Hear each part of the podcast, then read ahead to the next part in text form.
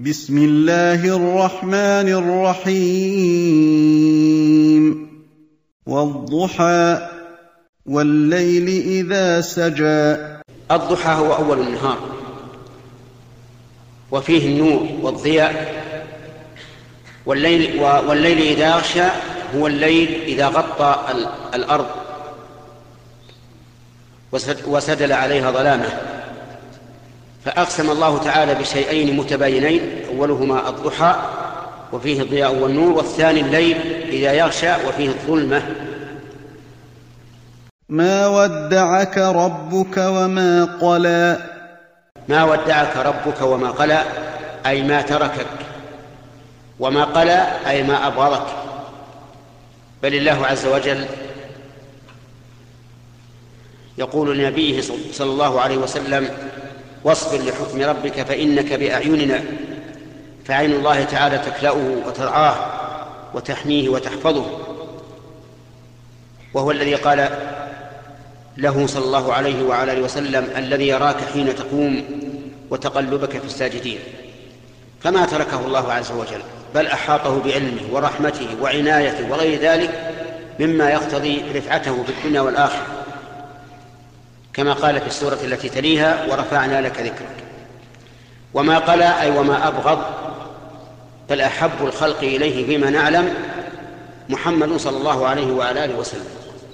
ولهذا اختاره الله لأعظم الرسالات وأفضل الأمم وجعله خاتم النبيين فلا نبي بعده. وللآخرة خير لك من الأولى. وللآخرة خير لك من الأولى. هذه الجملة مؤكدة باللام. لام الابتداء والآخرة هي اليوم الذي يبعث فيه الناس ويأون إلى مثواهم الأخير إلى الجنة أو إلى النار.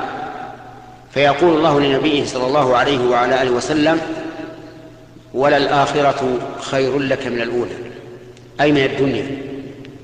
وذلك لأن الآخرة فيها ما لا عين رأت ولا أذن سمعت ولا خطر على قلب بشر وموضع صوت أحدنا في الجنة خير من الدنيا وما فيها كما جاء ذلك عن رسول الله صلى الله عليه وعلى آله وسلم. ولهذا لما خير الله نبيه صلى الله عليه وسلم في مرضه بين أن يعيش في الدنيا ما يعيش وبين ما عند الله اختار ما عند الله كما أعلن ذلك صلى الله عليه وعلى آله وسلم في خطبته حيث قال وهو على المنبر إن عبدا من عباد الله خيره الله بين أن يعيش في الدنيا ما شاء الله أن يعيش وبين ما عنده فاختار ما عنده فبكى أبو بكر رضي الله عنه. وتعجب الناس من بكائه كيف يبكي من هذا؟ ولكنه رضي الله عنه كان أعلم الناس برسول الله صلى الله عليه وعلى آله وسلم. علم أن أن المخير هو الرسول صلى الله عليه وعلى آله وسلم وأنه اختار ما عند الله وهو الآخرة وأن هذا إيذان بقرب أجله. ولسوف يعطيك ربك فترضى. لسوف اللام هذه أيضا للتوكيد وهي موطئة للقسم وسوف تدل على تحقق الشيء لكن بعد مهلة وزمن. ويعطيك ربك أي يعطيك ما يرضيك فترضى. ولقد أعطاه الله تعالى ما يرضيه وفوق ما يرضيه. فإن الله تعالى يبعثه يوم القيامة مقاما محمودا يحمده فيه الأولون والآخرون. حتى الأنبياء وأولو العزم من الرسل لا يستطيعون الوصول إلى ما وصل إليه. وسأحدثكم عن ذلك. إذا كان يوم القيامة وعظم الكرب والغم على الخلق وضاقت عليهم الأمور. طلب بعضهم من, من بعض أن أن يلتمسوا من يشفع لهم إلى الله عز وجل. فيأتون إلى آدم ثم نوح ثم إبراهيم ثم موسى ثم عيسى. هؤلاء أربعة أولهم أبو البشر و نوح وإبراهيم وموسى وعيسى أربعة من أولي العزم. فهم خمسة أولهم آدم أبو البشر وأربعة من أولي العزم كلهم يعتذرون عن الشفاعة للخلق حتى تصل إلى النبي صلى الله عليه وعلى آله وسلم. فيقوم ويشفع. ولا شك أن هذا عطاء عظيم. لم يناله أحد من من الخلق. ثم بين الله سبحانه وتعالى نعمه عليه نعمه السابقة حتى يستدل بها على النعم اللاحقة. ألم يجدك يتيما فآوى. ألم يجدك يتيما فآوى؟ والاستفهام هنا للتقرير. يعني قد وجدك الله تعالى يتيما فآواك.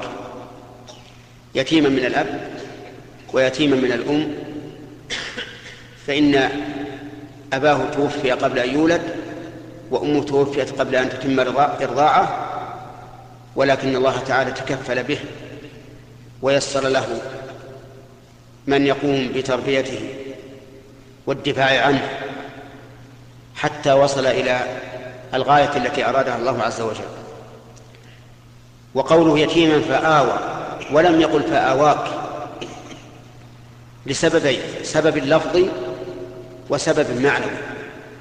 أما السبب اللفظي فمن فلأجل أن تتوافق رؤوس الآيات من أول السورة وأما السبب المعنوي فإنه لو قال فآواك اختص الإيواء به صلى الله عليه وعلى آله وسلم والأمر أوسع من ذلك. فإن الله تعالى آواه وآوى به آوى به المؤمنين به فنصرهم وأيدهم ودفع عنهم بل دافع عنهم سبحانه وتعالى. ووجدك ضالا فهدى. ووجدك ضالا فهدى. وجدك ضالا أي غير عالم. لأن النبي صلى الله عليه وسلم لم يكن يعلم شيئا قبل أن ينزل عليه الوحي. كما كما قال تعالى وعلمك ما لم تكن تعلم وقال وما كنت تتلو من قبله من كتاب ولا تخطه بيمينك. فهو صلى الله عليه وسلم لم يكن يعلم شيئا بل هو من الأميين هو الذي بعث في الأميين رسولا منهم لا يقرأ ولا يكتب. لكن وصل إلى هذه الغاية العظيمة بالوحي الذي أنزله الله عليه. فعلم وعلم. وهنا قال ضالا فهدى ولم يقل فهداك ليكون هذا أشمل وأوسع. فهو قد هدي عليه الصلاة والسلام وهدى الله به. فهو هاد مهدي عليه الصلاة والسلام. إذن فهدى أي فهداك وهدى بك. ووجدك عائلا فأغنى. ووجدك عائلا فأغنى. أي وجدك فقيرا لا تملك شيئا فأغنى أي أغناك وأغنى بك. قال الله تعالى وعدكم الله مغانم كثيرة تأخذونها وما أكثر ما غنم المسلمون من الكفار تحت ظلال السيوف. غنائم عظيمة كثيرة كلها بسبب هذا الرسول الكريم حين اهتدوا بهديه واتبعوا سنته فنصرهم الله تعالى به. وغنموا من مشارق الأرض ومغاربها. ولو أن الأمة الإسلامية عادت إلى ما كان عليه السلف الصالح لعاد النصر إليهم. والغنى والعزة والقوة. ولكن مع الأسف أن الأمة الإسلامية في الوقت الحاضر كل منها ينظر إلى حظوظ نفسه بقطع النظر عما يكون به نصرة الإسلام أو خذلان الإسلام. ولا يخفى على من تأمل الوقائع التي حدثت أخيرا أنها في الحقيقة إذلال للمسلمين وأنها سبب لشر عظيم كبير يترقب من وراء ما حدث ولا سيما من اليهود والنصارى الذين هم أولياء بعضهم لبعض. كما قال الله تعالى يا أيها الذين آمنوا لا تتخذوا اليهود والنصارى أولياء بعضهم أولياء بعض. وهم أعني اليهود والنصارى متفقون على عداوة المسلمين. كل لا يريد الإسلام ولا يريد أهل الإسلام ولا يريد عز, عز الإسلام. ونسأل الله تعالى أن يقينا شر ما حدث في الآونة الأخيرة من الأمور التي يندالها الجبين ولكن سينصر الله تعالى دينه مهما كانت الأحوال فالله تعالى ناصر دينه وكتابه. وإن حصل على المسلمين ما يحصل فإن الله يقول وتلك الأيام نداولها بين الناس. فربما يأتي اليوم الذي يجاهد فيه المسلمون اليهود حتى يختبئ اليهود اليهودي تحت الشجر فينادي ينادي الشجر يا مسلم يا عبد الله هذا يهودي تحتي فيأتي المسلم ويقتله. وما ذلك على الله بعزيز. ولكن المسلمين يحتاجون إلى قيادة حكيمة عليمة عليمة قبل كل شيء بأحكام الشريعة. لأن القيادة بغير الاستنارة بنور الشريعة عاقبتها الوباء. مهما علت لو علت إلى أعلى قمة فإنها سوف تنزل إلى إلى أسفل قاع. الهداية بالإسلام بنور الإسلام لا بالقومية ولا بالعصبية ولا بالوطنية ولا بغير ذلك بالإسلام فقط. الإسلام وحده هو الكفيل بعزة الأمة لكن كما قلت إنها تحتاج إلى قيادة حكيمة. تضع الأشياء مواضعها وتتأنى في الأمور ولا تستعجل. لا يمكن أن يصلح الناس بين عشية وضحاها. من أراد ذلك فإنه قد أراد أن يغير الله سنته والله سبحانه وتعالى لا يغير سنته. فهذا نبي الله عليه الصلاة والسلام بقي في مكة ثلاث عشرة سنة يدعو إلى الله ينزل عليه الوحي يدعو بالتي أحسن ومع ذلك في النهاية خرج من مكة خائفا مختفيا لم تتم الدعوة في مكة. فلماذا نريد أن نغير الأمة التي مضت مضى عليها قرون وهي في غفلة وفي نوم؟ أن نغيرها بين عشية وضحاها؟ هذا سفه. سفه في العقل وضلال في الدين. الأمة الآن تحتاج إلى علاج رفيق. علاج رفيق هادئ يدعو بالتي هي أحسن. الأمة الإسلامية تحتاج بعد الفقه في, دين الله والحكمة في, في الدعوة إلى الله تحتاج أيضا إلى علم بالواقع وفطنة وخبرة ونظر في الأمور التي تحتاج إلى نظر بعيد. لأن النتائج قد لا قد لا تتبين في شهر أو شهرين أو سنة أو سنتين. لكن العاقل يصبر وينظر ويتأمل حتى يعرف الأمور. تحتاج أيضا إلى عزم وتصميم وصبر. لأنه لا بد من هذا. لا بد من عزم يندفع به الإنسان. ولا بد من صبر يثبت به الإنسان. وإلا لفاتت الأمور أو فات كثير منها. فأما اليتيم فلا تقهر.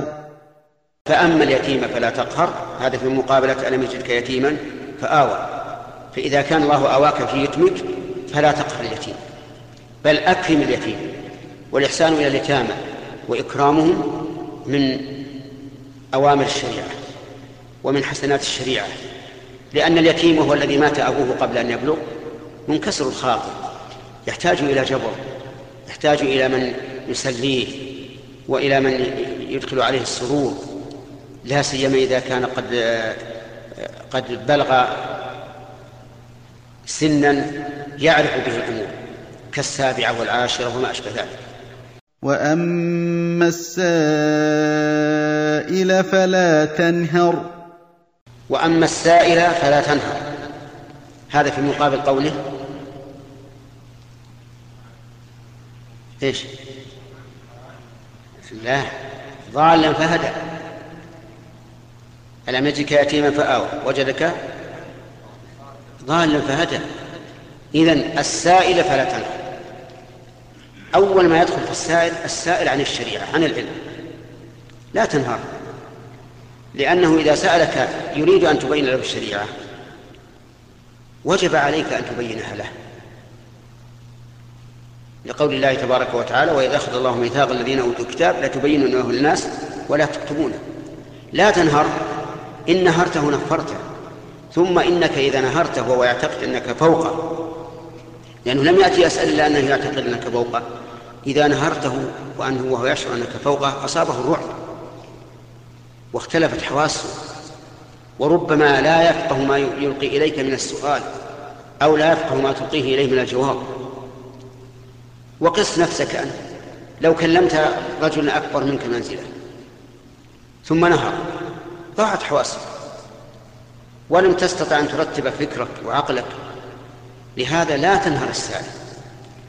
وربما يدخل في ذلك أيضا سائل المال يعني إذا جاءك سائل يسألك مالا فلا تنهره لكن هذا العموم يدخله التخصيص. إذا عرفت أن السائل في العلم إنما يريد التعنت وأخذ رأيك وأخذ رأي فلان وفلان وفلان حتى يضرب آراء العلماء بعضها البعض إذا علمت ذلك فهنا لك الحق أن تنهره وأن تقول يا فلان اتق الله ألم تسأل فلانا؟ كيف تسألني بعد ما سألته؟ أتلعب بدين الله؟ أتريد إن أفتاك الناس بما تحب؟ سكت وأن أفتاك أفتوك بما لا تحب؟ ذهبت تسأل؟ هذا لا بأس لأن هذا النهر تأديب له وكذلك سائل المال. إذا علمت أن الذي سألك أن الذي سألك المال غني فلك الحق أن تنهره ولك الحق أن أيضا أن توبخه على ما على سؤاله وهو غني. إذا هذا العموم السائل فلا تنهر نقول هذا العموم مخصوص بما إذا اقتضت المصلحة أن ينهر فلا بأس. وأما بنعمة ربك فحدث. وأما بنعمة ربك فحدث. بنعمة الله. نعمة الله على الرسول التي ذكرت في هذه الآية كم؟ كم نعمة؟ ثلاث. ألم يجدك يتيما فآوى ووجدك ضالا فهدى ووجدك عائلا فأغنى وبهذه الثلاث تتم النعم. حدث بنعمة الله. قل كنت يتيما فآوى لله. كنت ضالا فهداني الله كنت عائلا فأغناني الله لكن تحدث بها إظهارا للنعمة وشكرا للمنعم لا افتخارا بها على الخلق. لأنك إذا فعلت ذلك افتخارا على الخلق كان ذلك كان هذا مذموما. أما إذا قلت أو إذا ذكرت نعمة الله عليك تحدثا بالنعم وشكرا للمنعم فهذا مما أمر الله به. هذه كلمات يسيرة على هذه السورة العظيمة وما نقوله نحن أو غيرنا من أهل العلم فإنه لا يستوعب ما دل عليه القرآن من المعاني العظيمة. نسأل الله تعالى أن يرزقنا وإياكم الفهم في دين الله والعمل بما علمنا إنه على كل شيء قدير.